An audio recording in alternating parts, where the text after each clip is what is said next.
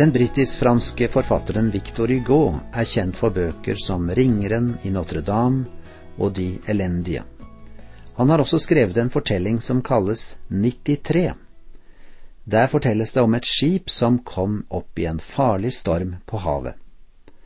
Da stormen var på sitt verste, hørte de redde sjøfolkene et forferdelig brak under dekk. De skjønte med en gang at dette nye bråket kom fra en kanon som var en del av frakten om bord, og som hadde slitt seg løs.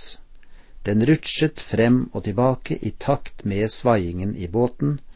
Kanonen smalt inn i skipssidene med forferdelig kraft. Sjøfolkene skjønte at det kunne få skipet til å synke, så to av de modigste av dem meldte seg frivillig til den farlige oppgaven å prøve å binde fast igjen den løsrevne kanonen. De skjønte at et skipsvrak som var ødelagt av en kanon innenfra, var mye farligere enn den sterke stormen utenfor.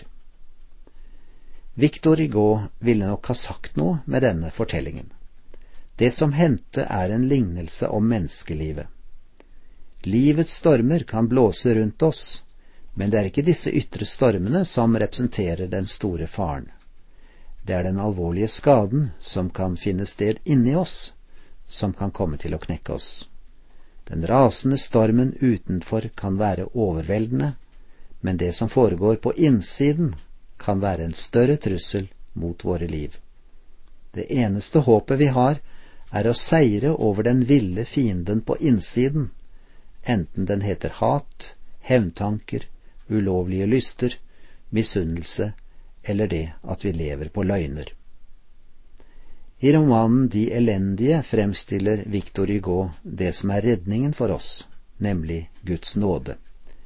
Stormen inni oss kan vi ikke helbrede på egen hånd. Vi trenger kraften fra Guds kjærlighet, slik den er vist oss i og med Jesus Kristus.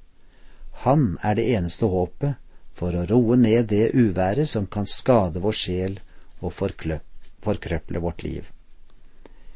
Det er en interessant parallell til denne beretningen i Bibelen om en skummel sjøreise. Disiplene til Jesus fikk lære noe om storm og fred en dag de seilte og rodde på Galileasjøen. De trodde at den største faren lå på utsiden av båten da stormen kom veltende.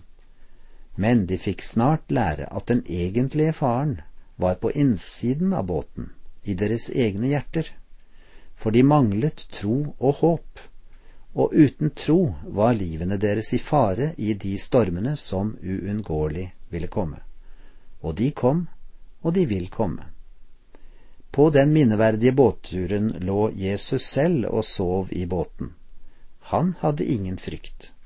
Han var herre over været på utsiden og følelsene på innsiden av båten. Da disiplene vekket ham fordi de fryktet at de gikk under, da de sa Redd oss fra denne faren, så svarte Jesus med å si Hvorfor er dere så redde, dere lite troende?